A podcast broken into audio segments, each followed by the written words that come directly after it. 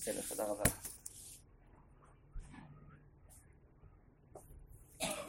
טוב, אז בקיצור, עד עכשיו אנחנו uh, רואים פה שרבי זרע אומר לרבי סימון שיוכיח את בני ריש גלותא והוא אומר אני לא מוכיח כי הם לא ישמעו לי והוא אומר לו למרות זאת אתה צריך להוכיח אותם ותכף נראה את המקור שלו זה חלק מסוגיות כאן של פרק חמישי במסכת שבת בדף נ"ה לגבי מצוות תוכחה. הגמרא אומרת כאן במקום אחר שמי שלא מוכיח את אה, קרוביו נתפס בעוונותיהם ומי שלא מוכיח את בני המדינה נתפס בעוון המדינה בקיצור יש לאדם אחריות. בסדר? זה הנושא הכללי כאן של הסוגיות בפרק הזה פרק חמישי בשבת ואחרי זה בלי נדע נראה את הפירוש של הרב קוק כאן בעין היה בפרק חמישי בסעיף י"ז מה שיש לכם. אבל לפני זה אני עוד רוצה לקרוא קצת מה שעוד אין לכם בדפים מה המקור ואמר רבי אחא, ואמר רב אחא ברבי חנינא מעולם לא יצתה מידה טובה מפי הקדוש ברוך הוא וחזר בה לרעה חוץ מדבר זה. יש מקום יחידאי שאנחנו יכולים למצוא בתנ"ך שהקדוש ברוך הוא אמר משהו שהוא יעשה דבר טוב והוא חזר בו.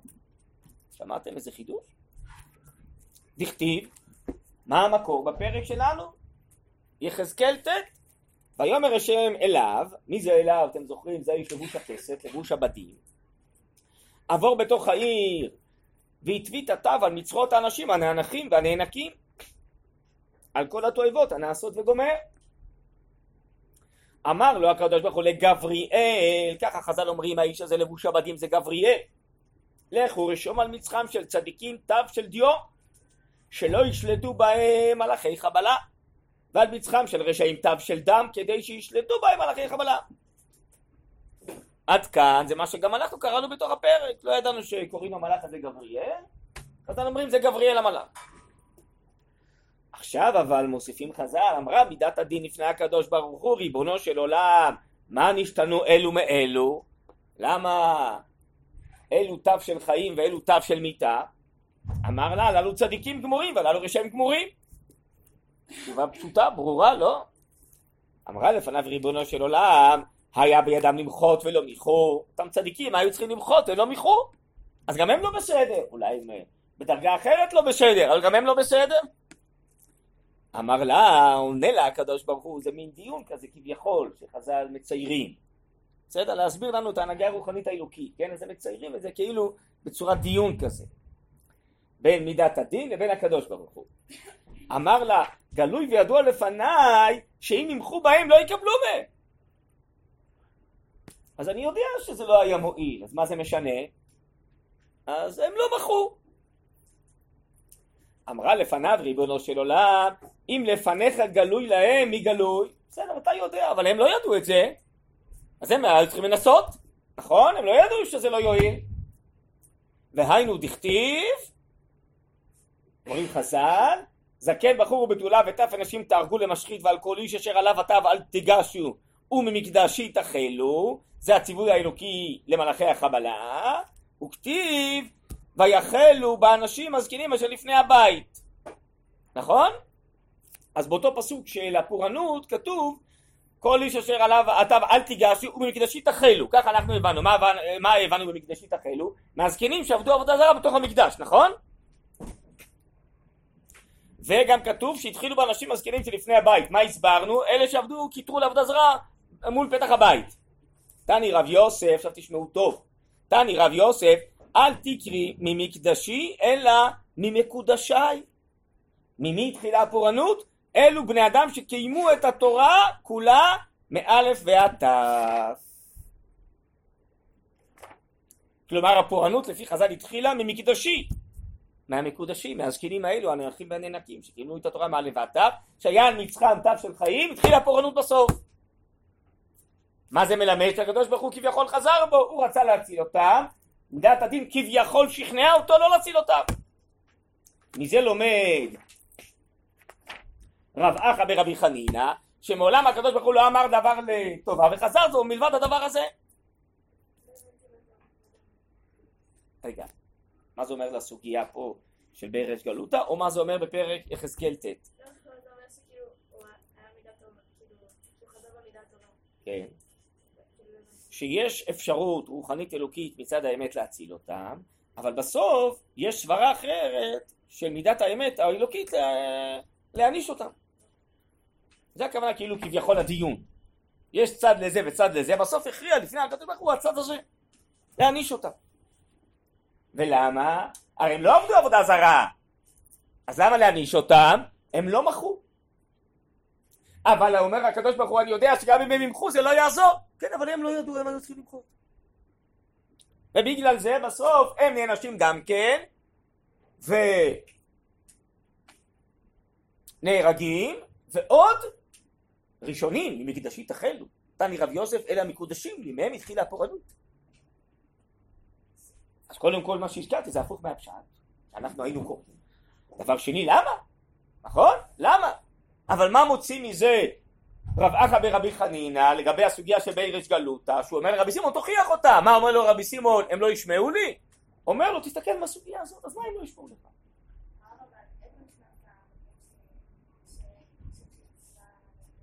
יפה, זו קושייה מצוינת, אני מציע שהיא תישאר בחלל עד שנגמור את הסוגיה פה, נעשה את הבירור, ואז בדיוק נחזור לענות על זה, נכון?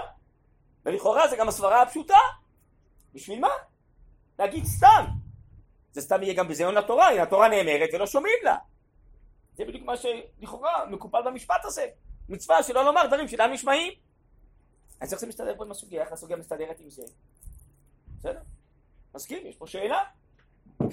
אז בואו, אני מציע שניכנס באמת לסוגיה, לא נגמור אותה בלי נדר היום, אבל אולי לפחות היום אולי נספיק את סעיף אה, י"ז בזריזות, אז בואו ניכנס רגע אחד לסעיף י"ז, לסיפור הראשוני, שהוא לפני יחזקאל ט', אבל שהוציא רב אחא ברבי חנינא הנהגה מיחזקאל ט', גם לסוגיה הזאתי, אז הוא אומר לו תוכיח אותם, לא ישמעו, לא ישמעו, זה בעיה שלהם, אתה צריך להוכיח אותם. שלא תהיה כמו הזקני, שלא הוכיחו את הדור בחורבן, ערב חורבן בית ראשון, בסדר? טוב, אז אני קורא עכשיו בביאור של הרב קוק, סעיף אה, י"ז, בתחילת השורות של הביאור בעין היה, כן? או עין היה שבת ב', עמוד 28, כן? השאיפות המוסריות. יש לכולם דפים שנראה את זה בפנים? צריך פה לדייק בכמה דברים פה בתוך הפסקה. יש לכולם דפים? אם אפשר אז תיקחו בבקשה, כי ממש צריך לראות פה בפנים.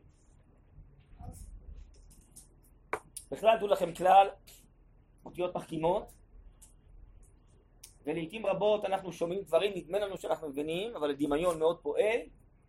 כשרואים את הדברים בתוך המילים, אז אתה מבין הרבה יותר טוב אם הבנת או לא הבנת. אז בכלל תדעו לכם הנהגה טובה, בעזרת השם, גם כשתהיו מורות, אז שהתלמידות יראו את הדברים בפנים, כי זה חוסך המון דמיונות והמון טעויות. גם לפעמים כשרואים את המילים לא מבינים. טוב, זה לא אומר שאם נראה את המילים תמיד נבין, אבל כשלא רואים את המילים, אז לפעמים רבות אה, שוקים באיזה דמיונות, ואתה בטוח שהבנת, ובסוף אתה גם אומר, הרב אמר בשיעור כך וכך, כן, כבר אה, קרה לי לא מעט, ושאלתי את האומר, תגיד לי, אה, מתי אמרתי את זה? בשיעור הזה והזה. אמרתי לו, טוב, הוא מוכן לעשות איתך ניסוי, קח הקלטה, תעבור את כל השיעור, תבדוק אם אמרתי את זה. אולי זה מה שהבנת ממה שאמרתי, אבל עשית איזה פרשנות. אז אולי אני כנראה לא הייתי מספיק זהיר בדבריי, ונתתי בסוף כן איזה אפשרות לפרשנויות. אבל אולי אם היית נמצא איתי בתוך המילים של הפסקה, היית רואה שבכלל לא אמרתי, בעצם התכוונתי להפוך. בסדר? אז כיוון שכבר נתקלתי בזה לא מעט, ויש לי מסורת, הרב אברהם שפירא, זכר צדיק לברכה, שהוא אמר לי פעם אחת, אמרתי לו משהו שאומרים בשמו, הוא אמר לי, לפני שבכלל שמע מה שאני אומר, אמר לי, תדע לך שאם אומרים לך משהו בשמי, תדע שלפחות אמרתי הפוך. בסדר? אז ממילא... טוב, אז אני קורא ברב קוק. השאיפות המוסריות ביותר הגדולות והכלליות שהן הינן אור העולם ומעמד החיים האנושיים. תראו הגדרה מאוד חשובה אני חושב מעבר לפסקה הזאת. כשאנחנו מדברים על אמיתות, על שאיפות מוסריות, ודאי על דברים קדושים ונאצלים, זה אור העולם, היום מחפשים את הדברים הנאורים, נכון? מה זה נאור? מה זה אור? אור העולם זה השאיפות הגדולות, הכלליות, לתיקון העולם, להתעלות העם, להופעת הטוב והמוסר והצדק, וקל וחומר אם זה הטוב והצדק והמוסר האלוקי, כן? זה אור העולם. צריכות הן לעולם, לעולם, תשימו לב להדגשה, להיות מוכרות בחשיבותן העצמית, באופן היותר נעלה מצד עצמן, תראו כמה הדגשות, לעולם, העצמי, מצד עצמן, מצד חמדתן המלאה, חיים עוז וברכה, יותר ממה שהן מוכרות לחשיבות מצד פעולותיהן היוצאות מהן. מה הרב קוק כאן מאמת זה עם זה? הוא מכיר את הסברה הפשוטה שלנו, שאנחנו אומרים שהעיקר בסוף זה מבחן התוצאה, כמו שאומרים היום. לצערי הרב גם בעולם החינוך לא מעט אני שומע את המשפט הזה. מבחן התוצאה אם התלמידה הצליחה וקיבלה ציון טוב היא שווה משהו. אם לא אז לא מבחן התוצאה. וההשתדלות שלה והרצון והעבודה שלה והמאמץ שלה זה כאילו רק התוצאה או הרף שאתה הצבת אז היא שווה משהו התלמידה ואם לא לא כיוון שהחוק יודע שאלו הסברות שלנו גם באפיקים אחרים בחיים, כן? השאלה אם עם ישראל הוא צדיק, עושה את כל המצוות, או שהוא לא עושה את המצוות, או חס וחלילה עובר עבירות. בסוף הכל זה למעשה. אם יש אנשים עם שאיפות טובות, אנשי אמת, אנשים קדושים וטהורים, האומה משתדלת להתקדם, לתקן את עצמה, האדם, זה בעצם לא חשוב. אם בסוף, אפילו בעולם הדתי אני אומר, האדם לא הצליח, הוא לא שווה כלום. אני לא יודע כמה פסקאות יש בספר אורות או תשובה של הרב קוק שאומרות בדיוק הפוך. שלעיתים רבות האדם ממש נמצא בהרהורי תשובה ובחרטה ובהכרות חדשות והוא מתחיל מסלול חדש, אבל הוא לא הצליח לתקן את מה שהוא עשה, והוא עוד לא הצליח לשנות את כל הרגליו ומעשיו. אומר הרב קוק, הרצון שלו, ההכרות החדשות, זה העיקר. שיתפלל לקדוש ברוך הוא, שיזכה אותו גם לתקן למעשה בסוף. זה השלמות. בלי המעשה אין שלמות, זה ברור. אבל זה העיקר, מה? או יפה, בדיוק הרב קוק בא להוציא מהמשפט הזה שאת אומרת עכשיו. לא נכון, הוא אומר. עיקר החיים שלנו זה הרוחניות, זה המחשבות, זה ההרגשות, זה הרצונות, זה מרכז העולם. אנחנו נפשות, לא רובוטים שמבצעים דברים, אנחנו בני אדם בצלם אלוקי, יש להם מחשבות ורצונות ושאיפות, אנחנו אנשים שמרכז החיים זה הרוחניות, זה הנפש, לא הגוף. הביצוע זה בגוף, העיקר זה הנפש, הנשמה, לא הגוף. בסדר? בדיוק, עם זה מתעמת הרב קוק. מה מרכז החיים של האדם? המחשבות שלו, השאיפות שלו, זה, זה עיקר האדם. יש ביטוי במשנה במסכת ברכות, מי שמתפלל ובכלל לא רוצה להתפלל, התפילה דומה עליו כמסוי. מה זה מסוי? מסע. אז דברים מפרשים, בעצם אדם הולך עם מסע כבד, מתחשק לו כבר להגיע לאיפשהו ולזרוק אותו מה, מה, מהגב. לוחץ לו, כבד לו. אז הוא מתפלל בדיוק מה שהוא צריך. אבל התפילה כמסוי. ותפילה ודאי זה עבודה שבלב, עוד יותר אולי נשאר מצוות, לא, אז העיקר זה הכוונה. ועל זה אמרו חז"ל לפעמים, אתה יודע מה? אתה לא יכול אה, להתפלל באריכות ולכוון כל התפילה כמו אחרים. תתפלל, בעצם, יותר בקיצור, אבל מה שאתה אומר, תגיד בכוונה, חד המרבה, חד הממית, רק שיכבד ליבו לשמיים. מה זה עוזר שאתה אומר הרבה? יש מינימום שצריך להגיד, יש שמונה עשר ברכות, יש מינימום של התפילות שצריך להגיד. אבל אחד, הוא מוסיף הרבה, כי הוא צריך לגמור את כל התהילים ואת כל הזה, הוא אומר, הוא היה רבי, הוא בכלל לא חושב, בינתיים הוא חושב על העסקים שלו. אז בשביל מה? אז מה, מה אתה עושה? תגיד קצת פחות פרקים של תהילים, תתכוון מה שאתה אומר. תתרכז, תגיד כמה פרקים בכוונה, אז לא תגיד את כל התהילים. מה, זה רק הסכום? אני צריך להגיד את מספר הפרקים? להגיד שסיימתי להגיד את כל המילים? מה זה עוזר אם אתה בכלל לא נמצא בתוך המילים?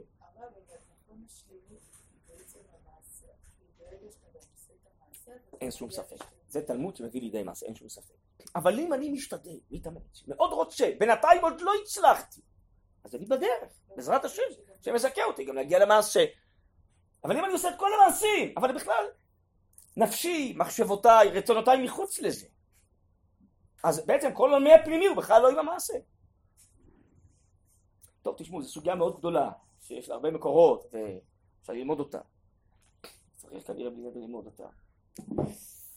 פה זה נכנס לנו כחלק מסוגיה אחרת, לכן הייתי מעדיף אולי פחות אה, אה, להעריך בזה. הרמב"ם למשל אומר הרבה פעמים שאדם יבחר לו חברה טובה ויברח במקום שיש חברה רעה. למה? אם הוא צדיק, גם בחברה רעה הוא יעשה את כל המצוות. ילגו עליו יצחק, הוא יעשה את הכל. כן, אבל החברה, אומר הרמב"ם, זה דבר מאוד משפיע. למה חברה זה דבר משפיע? כי חברה זה אווירה. זה מחשבות, זה זרימה של חיים, של הרגשות, של רצונות. אז כל ההוויה הרוחנית היא נגדו. למה הוא יעשה את מה שצריך? הפוך, שיהיה במקום. הנה למשל, למה המדרשה מסייעת להתקדמות רוחנית וללימוד תורה? למה ישיבה? כי יש שם עוצמות רוחניות, זרימה רוחנית. מה, זרימה רוחנית זה משהו פרקטי? התפילה זה אותם מילים של התפילה, אין בישיבה או במדרשה תפילת שמונה עשרה אחרת, לא מוסיפים עוד עשרים ושתיים ברכות. כן, אבל יש פה אווירה אחרת, אז את כל השמונה עשרה אני מתפללת אחרת, לא? כל המצוות גם אני עושה אחרת, כי אני טבולה בתוך איזושהי אווירה רוחנית. זה עיקר החיים, אומר הרב קוק, צריך להתרגל לזה. המילוי הרוחני של החיים, זה עיקר החיים. עכשיו, צריך שזה יופיע במצוות, בלי מצוות, אז זה רוחניות באמת שאין לה כלים להכיל אותם בעולם הזה. בסדר גמור. אז צריך את שני הדברים. אבל מה שבסוף מזיז את החיים קדימה זה שאנשים יש להם רצונות גדולים. יש אנשים דתיים, שברוך השם הם דתיים זה גם טוב, הם מאמינים בהשם והם מקיימים את המצוות כי ככה הם uh, התרגלו מבית אבא. אבל כל העולם הרוחני שלהם, כל העולם המחשבתי, כל העולם התרבותי שלהם הוא חילוני לגמרי היום. הוא שטוף בכל מיני דברים, בדיוק כמו אדם שבכלל לא, לא, לא, לא זכה לאור של תורה וקדושה. אבל למעשה הוא עושה את כל המצוות. אבל כל ההוויה הפנימית שלהם לא נמצאת עם זה. אז מה בסוף בונה את החיים, אומר הרב קוק? שהאמיתות האלה יאמרו שהאמת תופיע, תעמוד במרכז החיים, ששאיפות גדולות יופיעו. כמובן, אנשים שרוממו את זה, אנשים שהצטרפו לזה, כן? זה עיקר בניין העולם. לכן זה הקדמה לסוגיה הזאת, שהוא מאמת בין אני אגיד את האמת, אבל לא יקיימו אותה. אז אומר לו בעצם, מבין הרב קוק, רבי זיירא, טוב, לא יקיימו חבל, אז החיים לא שלמים. אבל תעמיד את זה במרכז החיים, את האמת הזאת. החיים, קודם כל, זה האמיתות שזורמות בתוך ההוויה, בתוך החיים. תראו היום דוגמה, בסדר, דוגמי, איך אנשים רוצים, מה שתפסנו, כל העולם, ודאי עם ישראל עד היום, מה זה משפחה? רוצים לשנות את התפיסה הבסיסית, מה זה משפחה? זה מחלחל. זה דברים שעומדים במרכז החיים. זה לא עניין של פרקטיקה, בסוף כל מי שמאמין בהשם, אז בעזרת השם הוא יתחתן גבר עם שם, הכל יהיה בסדר. כן, אבל הזרימה של החיים הציבורית היא אחרת פתאום. זה מה שמנסים לשנות. מי שממילא לא רוצה לחיות ככה, לצערנו, אז הוא לא יחיה ככה. אבל הם רוצים שזה יהיה מין תודעה כללית אחרת. בסוף עיקר החיים צריך להבין זה רוחניות. זה מחשבות, זה רצונות, צריך להתרגל לזה. לא מה שרואים בחושים זה עיקר החיים, אפילו לא מה שרואים את המצוות המעשיות שאני מקיים בגוף. זה לא עיקר החיים, צריך לתפוס את זה. עיקר החיים זה העוצמות הרוחניות הפנימיות שלהם, שזה כולל גם מחשבות, רצונות, הרגשות ועוד כל כוחות הנפש.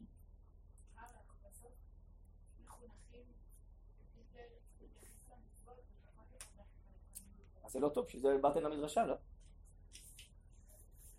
נכון? אבל בבית אה, שהוא דתי, אז בעצם יש אה, גם אווירה רוחנית, שמקבלים את המצוות מתוך אהבת המצוות, או שמחת המצוות, כן? לא רק כמצוות אנשים מלומדה כי חייבים, ואחרת נענש, או לא יודע מה. באמת אה, לעיתים, אצל אנשים שלא התחנכו באווירה כזאת, אז לסיים המצוות זה איזה סמלים חיצוניים, איזה טקס דתי שהוא בא אליו, נכון? זה משהו לגמרי חיצון לחיים. זה לא חלק מההוויה הנפשית הרוחנית שלו. אז כנראה שאנחנו uh, לא מספיק מסבירים טוב. אולי ההורים, אולי המחנכים, באמת מה זה עבודת השם, את צודקת. אם זה מה שנתפס בעצם כיום בסופו של דבר, שעבודת השם עיקר זה קיום המצוות, ולא ההוויה הפנימית שמביאה בסוף לקיום המצוות מתוך אהבה וכוונה, אז זה לא טוב, אז לא הצלחנו. אז זה באמת, אה, אם זאת המציאות כפי שאתם מתארת, אז אני חושב שזה כישלון שלנו, המחנכים, לא יודע, הרבנים, מי ש... מצאת מקום חרפתי, כמו שבכוזרי, מה אני יכול להגיד? פה הרב קוק אומר הפוך, מה, אני לא יכול להתווכח עם הרב קוק כמובן, נכון? אני גם מבין למה זה הפוך. אבל אם למעשה זה לא מה שמובן בתוך העולם הדתי, אז נכשלנו. אז עושים, תבואו אתם ותחנכו את הדור הבא כמו שצריך, שזה אתם לומדות פה, לא? תעשו יותר טוב ממה שאנחנו עשינו, מה אני יכול לעשות?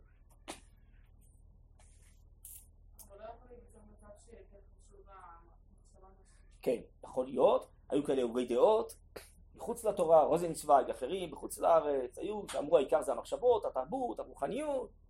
היה רבין זיכרונו לברכה, אמרנו, אה, אנחנו עם של ערכים, העיקר זה ערכים, לא צריך לא את ארץ ישראל, לא טריטוריה, לא מצוות, כן, יש תפיסות כאלה, כן, את צודקת.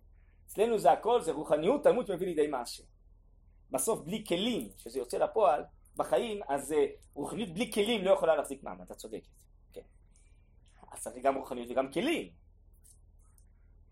אז צריך את שניהם כדי שיהיו חיים שלמים. כן, את צודקת, יש בזה, יש בזה סכנה גם בצד הזה. כן, נכון. טוב, בקיצור, זה אומר הרב קוק, מה שאומר לו רבי זיירה. לכן הרב קוק מתחיל, שיש לדברים האלה חשיבות עצמית, שהם יעמדו במרכז החיים, גם אם בסוף, ברגע זה, הם עוד לא יתקיימו.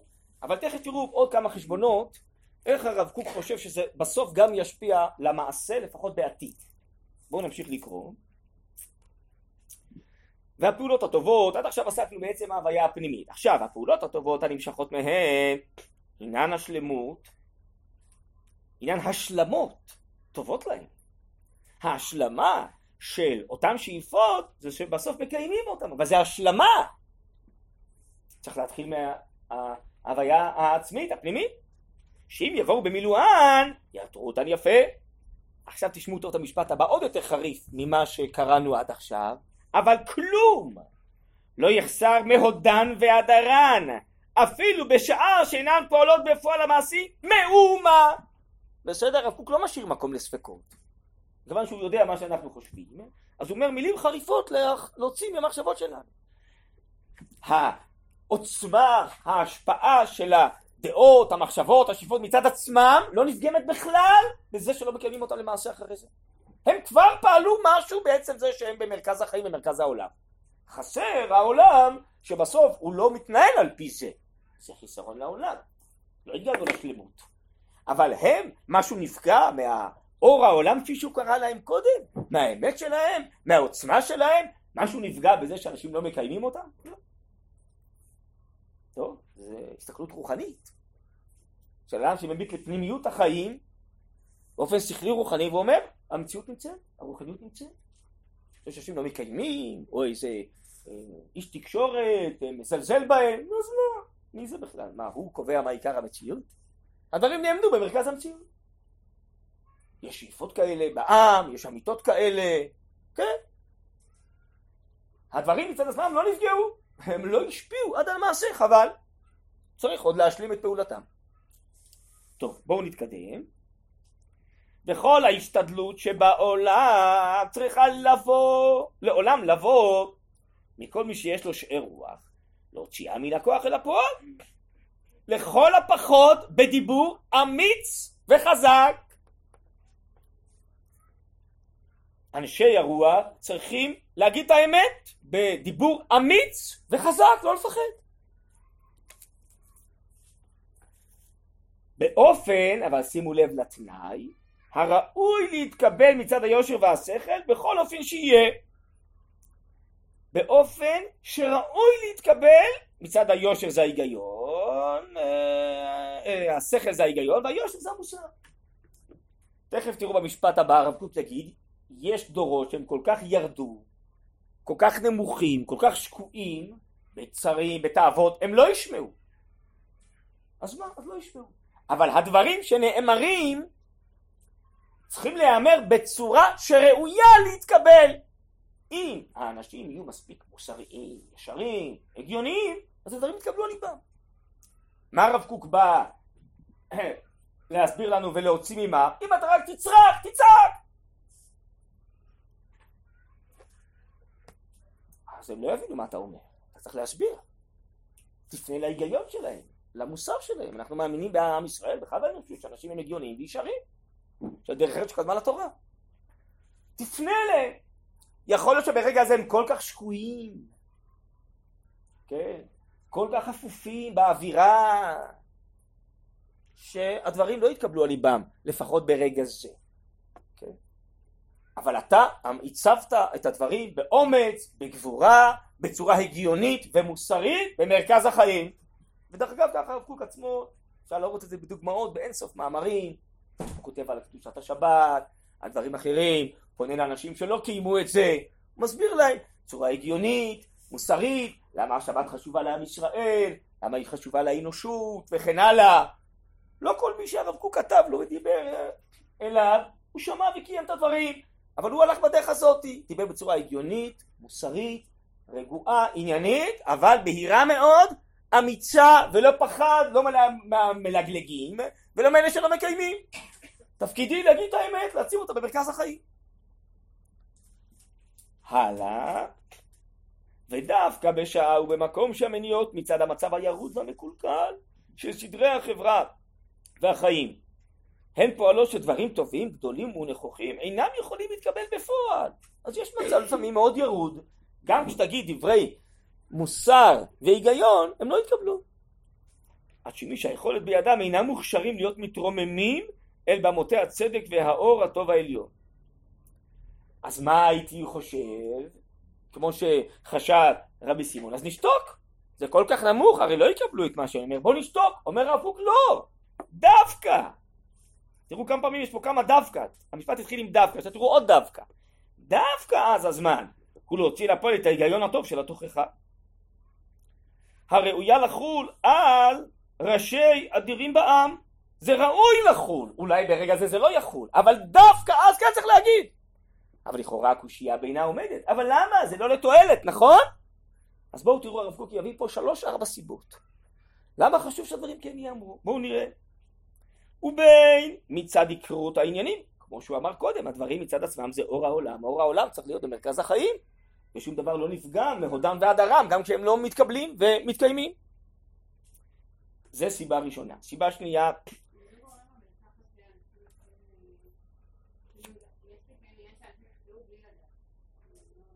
אה, את מקשה מאוד משפט, מוטב שיהיו שוגגים ואל יהיו מזיקים. עוד משפט את מקשה של חז"ל. בסדר, בלי נדר בסוף לתרץ את הציונות, בלי נדר בסוף, בסדר? אבל עכשיו אנחנו מנסים להבין פה בהיגיון למה זה חשוב שזה ייאמר. בין מצד יקרות העניינים, יש פה עניינים יקרים שחשובים שיהיו במרכז החיים, אסור שמהחיים יהיו ריקים. כמו שאתה מסכים שלא יהיה מוסר במרכז החיים? עזוב עם ישראל, עזוב תורה. אתה מסכים שהחיים יהיו בלי מוסר? שלא האמת המוסרית תאמר, שאנשים יפחדו להגיד את הדברים המוסריים הפשוטים? אתה לא מסכים שחברה תהיה כזאת. אתה לא רוצה לחיות בחברה כזאת, נכון? שאנשים מפחדים להגיד את הדברים המוסריים הפשוטים, וכולם גונבים, וזה, וחומסים, ועושים אחד לשני מה שאתה רוצה, ומי שמדבר מוסר, הוא לא מעז להגיד, אתה רוצה להיות בחברה כזאת? אתה לא רוצה, נכון? אז אותו דבר אומר פה גם בעניינים אלוקיים. במרכז החיים של ודאי של עם ישראל, צריכה את האמת האלוקית, המוסר, השפט הקדושה להיאמר. בסדר? א', מצד יקרת העניינים. א', ב', בין מצד ההבטחה של פעולתם לטובה להבא בבומו אדם. ככה אומרים בשם הרב מקוץ על הפסוק והיו הדברים האלה, אומרים על לבביך, מה זה על לבביך? בתוך לבביך. לא, לפעמים אתה תעמיד את הדברים על הלב, כי הלב ברגע זה סגור. אבל יגיע רגע שהלב ייפתח וזה ייפול פנימה. אם זה לא יהיה על הלב זה גם לא יוכל ליפול, אבל כשזה יהיה על הלב זה יוכל ליפול פנימה. כלומר, הדברים האלה אתה מודד אותם רק אם ברגע זה כבר כולם פרסו לפניך שטיח אדום וקיימו, חכה, חכה, זה עוד ישפיע לעתיד. עוד לא הבינו, עוד לא קלטו, עוד לא התרוממו מוסרית והגיונית כדי לקבל את דבריך, אבל הצבת את התביעה הזאתי, הצבת את האמת הזאתי, יגיע הרגע שזה יתקבל, עוד יבינו, אולי בעוד כמה ימים, חודשים, אולי שנים, אולי דורות, יבינו מה שאמרת. סבלנות. דברים אמיתיים פועלים ולא חוזרים מריקם. מסה הזמן לא פועל עליהם הפוך. יש הרבה דברים שבכלל לא האמנו שהם יתקיימו, ומתקיימים, חכה. אז זה חשבון שני, שזה יפעל להבא. חשבון שלישי, בין מה שמכל מקום מוכרחים הם לפעול גם כן בהווה באופן מסודר. אנחנו מאמינים שלבני אדם הם כולם בצלם אלוקים, והמוסר נוגע בהם משהו בפנים. גם אם הלב מכוסה בהרבה דברים וכולי, ובמיוחד בעם ישראל שיש לנו נשמה טהורה, שיש לה צמאון פנימי רוחני לקדושה, אלא שאדם הוא כמו תינוק שנשבע, וזה אפוף בכל מיני דברים. מאיפה אתה יודע שזה לא פועל? כי ראית שהאדם לא מקיים את מה שאמרת? איך אתה יודע מה נכנס לתוך הלב פנימה, שזה לא השפיע בכלל, באופן מסותר פנימי? הכל נבחן רק בפרקטיקה המעשית. אם האדם הוא נשמה, אם האדם הוא צלם אלוקים, האדם הוא רוחניות, מי אמר לך שלא נכנסו דברים ללב פנימה? ומכיוון שאנחנו מאמינים שהדברי המוסר והאמת, דברי התורה מתאימים ללבבות של בני אדם, ודאי של עם ישראל, אז זה ודאי יפעל מבפנים. חשבונות מעניינים, נכון? אנחנו לא רגילים לחשבן את זה ככה. חשבון רביעי ואחרון, לביצור ומיעוט של כוח הרע וההשחתה. מה הכוונה ביצור ומיעוט? כשקורה משהו, רק רגע, כשקורה משהו, נאמרת איזושהי דעה, איזה קלקול, טוב, אתה אומר, אם אני אמחה, לא ישמעו לי. ואתה נדמה לך אולי שזהו, הגענו כבר לתחתית החבית, הדברים הכי גרועים כבר נאמרו ונעשו. מי אמר לך? מי אמר לך? המדרון, איך קוראים לזה היום? מדרון חלקלק. המדרון החלקלק, תמיד יש עוד משהו למטה ממנו, מתגלה באופן מפליא. תמיד חשבנו שהגענו כבר לתחתית החבית, מתגלה שיש עוד דברים עוד יותר גרועים שפתאום צצים ומופיעים. בסדר? אתה עכשיו יש תנועה כזאתי, התחילה בארצות הברית, והיא כבר התחילה לחדור לארץ, שאומרת שבכלל לא צריך להילחם ולכלוא פדופילים. הם רוצים, הילדים רוצים, כולם נהנים, מה הבעיה? בסדר? כמו שפעם להט"בים היה בתוך הארון ולא, ופתאום זה נהיה דבר לגיטימי, עוד דברים בדרך להיות לגיטימי. אריות במשפחה, יש גם כתנועות כאלה, בארץ זה כבר התחיל להתפתח, חכו, זה רק עניין של זמן. מה הבעיה? שניים אוהבים אחד את השני, מה תגיד להם, אתה לא מכבד אותם? הם הכי קרובים, הם אח ואחות, מה אתה רוצה שהם לא יאהבו אחד את השני? נו אז מה, אתה תגיד להם איך לחיות? כבוד האדם וחירותו, לא? אתם בטוחים שכבר הגענו היום לתחתית החבית? אני ממש לא בטוח לצערי. אז יכול להיות שמה שכבר הגענו, מה שכבר התפשט, ברגע זה הדברים שלך לא ישפיעו. אבל אולי זה יעצור את הדברים הבאים. אולי זה יעורר איזה מחשבות, יכניס משהו, איזה רטט בתוך הלב. אולי זה משהו יפעל לעצור דברים מאוד יותר גרועים. איך אתה יודע שלא? אומר הרב קוק זה ודאי יפעל. מכל ארבעת הסיבות והטעמים האלה, אומר הרב קוק, זה מה שהתכוון רבי זרע להגיד לרבי שמעון, אתה חייב לדבר. אסור לך לשתוק. יש דברים שהם אור העולם חייבים להיאמר. הם בעתיד ישפיעו, הם חודרים כבר עכשיו ללב, הם יצרו דברים יותר גרועים, מה אתה שותק? כל אלה, אני מסיים את הפסקה, הם נותנים תוקף. ואף על גב דלא מקבלים, לא מקבלים ממך ברגע זה, ולא ישנו את הדברים שדיברת עליהם. לא יכולים מר. למה דווקא מר? הראוי ומוכשר להוכיח אפסי הארץ.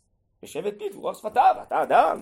עם כוח, אתה יכול להגיד את הדברים כמו שהרב קוק הציב, בצורה מוסרית והגיונית, אתה מסוגל לדבר אותם בדיבור אמיץ וחזק, למה אתה שותק? יש אחרים שאולי לא בריא אחי, אבל אתה מסוגל. אז יש לך אחריות, יש לך תפקיד, אל תגיד זה לא אחריות שלי, ותיפטר מזה שלא ישמעו, חבל שלא ישמעו. אז מה? שזה לא צריך להגיד את האמת? שאני צריך לתת להרבה אנשים אחרים, אולי אני יכול להוסיף על דברי הרב כאן, שהתבלבלו? כי זה אני צריך לתת לילדים בגן, שיכניסו להם כבר ספרים, איך כל צורות המשפחה האפשריות בעולם, שיגדלו מגיל צעיר על זה, הם בכלל לא ידעו. מה המוסר והאמת הנורמלית, הצודקת, הם כבר יגדלו בעולם אחר מה שאנחנו גדלנו. עוד עשר שנים יהיה מאוחר מדי. הספרים האלה נכנסים היום לגנים, לבתי הספר, לחמד. אנחנו הרי נוהרים ונתקדם, אנחנו לא תהיו מפגרים אחרי העולם החילוני כידוע. אז גם לתוך החמד. בסדר, פה מפקחת באזור הדרום, דרשה מכל הגננות להכניס את הספרים האלו של מה זה משפחה, שיש שני אבות, שתי אמהות, אישה אחת עם כמה, אה, עם כמה אבות, אה, משפחות אה, משולבות, אבא ערבי עם היהודייה ועוד ועוד ועוד, כן, שהילדים יתחנכו כבר מהגן, יראו את כל האפשרויות, יהיו פתוחים. למה לקבע אותם ברק סוג אחד של משפחה? זה, זה פה נמצא, פה ועכשיו. מפקחת באזור הדרום, זה מה שדרשה מכל הגננות. אז מה, מה, מה אתם רוצים מהילדים? הם כבר יהיו תינוק, תינוקות שנשבו. הם יגדלו בתוך עולם שברור שמשפחה יש המון אפשרויות. אז מה נגיד? שאולי ברגע זה, לא יודע, את המפקחת הזאת לא נצליח לעצור, ואת הגננת ההיא לא נצליח לעצור. נו אז מה? אז בגלל זה אנחנו נשתוק? וניתן לכל המציאות להשתנות? שלא בצדק? בדבר שהוא הרס העולם, הרס החיים? אז מה? מה זה החשבון הזה? ומי אמר שלא נצליח? דברים שנאבקים וחשובים לאדם, בסוף מצליח, או לאיזה קבוצה, לחבורה, לתנועה, למפלגה, מי אמר שלא נצליח? למה? בגלל שהתקשורת אומרת שאנחנו לא בסדר? מה, היא קובעת, התקשורת? מה הערכים התרבותיים המוסריים של עם ישראל? למה? למה שלא נצליח? ואם אנחנו מרגישים שזה אמיתי, צלם אלוקים בנוי במשפחות של איש ואישה, זה לא יחדור ללב? זה לא יעצור דברים יותר גרועים? זה לא ישפיע לאבא? ברור שזה ישפיע, אין שום ספק. אנחנו רואים כבר את ההשפעות של מה ש... דברים שנעשים. ברור, כבר עכשיו רואים את ההשפעות. יכול לסמן לכם אחד לאחד דברים שמצליחים להשפיע בהם. בכל העניינים האלה גם כן. אז למה לשתות? מישהו החליט הפוך, מי זה שהחליט? עם ישראל החליט שהמשפחה משתנה, שערכי האומה משתנים. היה משאל עם, היה החלטת כנסת, החלטת ממשלה.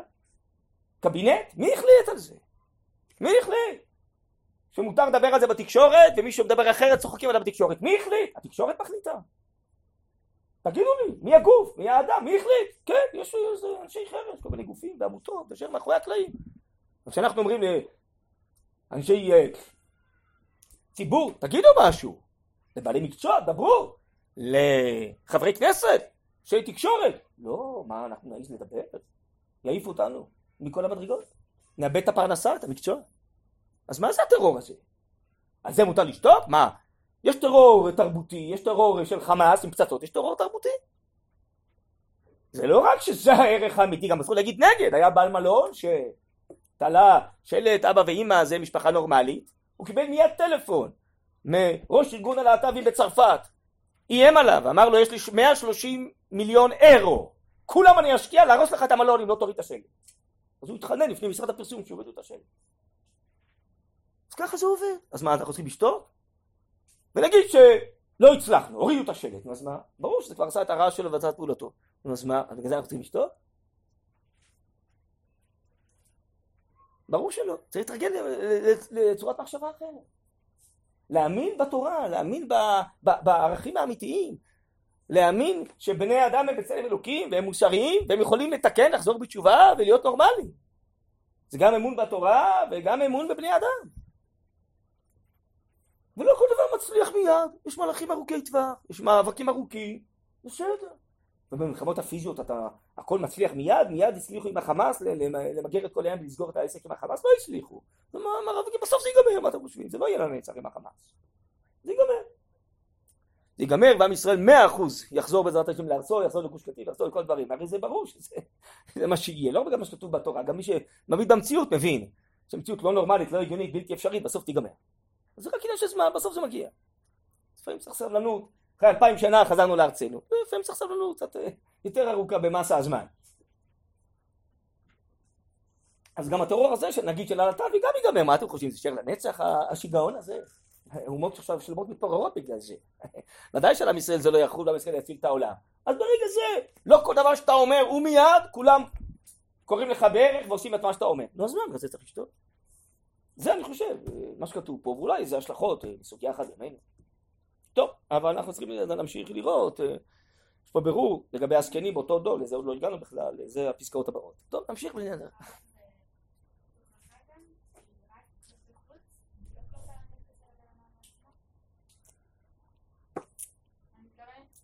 לא הבנתי. כן, זהו, זה יהיה הבירור הבא, למה אותם זקנים נענשו.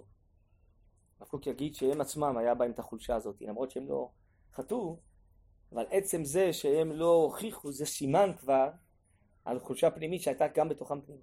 כן, כן. זה בירור עמוק ונוקב, מאוד נוקב, מאוד כואב ונוקב, אבל זה הבירור הבא לגבי הזקנים. כן. טוב, בעזרת השם. יהיה טוב. לא סתם יהיה טוב, יהיה טוב, ונעשה בלי נדר שיהיה טוב, אז יהיה טוב. כן.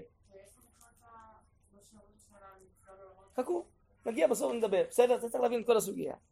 בסדר? בואו תשאירו את השאלה, השאלה היא טובה, אבל זה מוקדם לענות עליה, אני חושב. כן.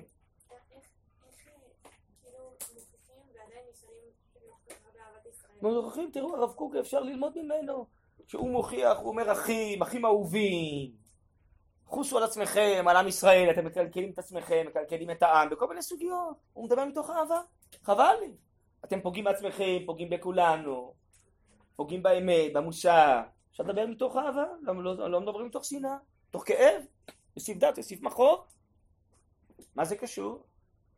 אבל את אשר יואב השם יוכיח, אדם אה, מוכיח, אדם אה, מנסה לחנך את ילדיו, מה הוא שונא את ילדיו? הוא אוהב את ילדיו, אבל הוא רואה שמשהו השתבש אצלם, אז הוא מנסה לעזור להם, ואפילו להוכיח אותם וליישר אותם מתוך אהבה, לא? אז אותו דבר באופן ציבורי, מה השתנה? נכון? טוב, אז אולי את צודקת, שדווקא מי שעושק באמת ומוכיח צריך ללמוד הרבה על אהבת ישראל, נכון? אהבת האדם, זה יהיה מתוך אהבה, נכון? נכון. הלוואי, בעזרת השם. טוב. תודה. רוצה לבקש ממך, לשלוח את זה, מה? כן.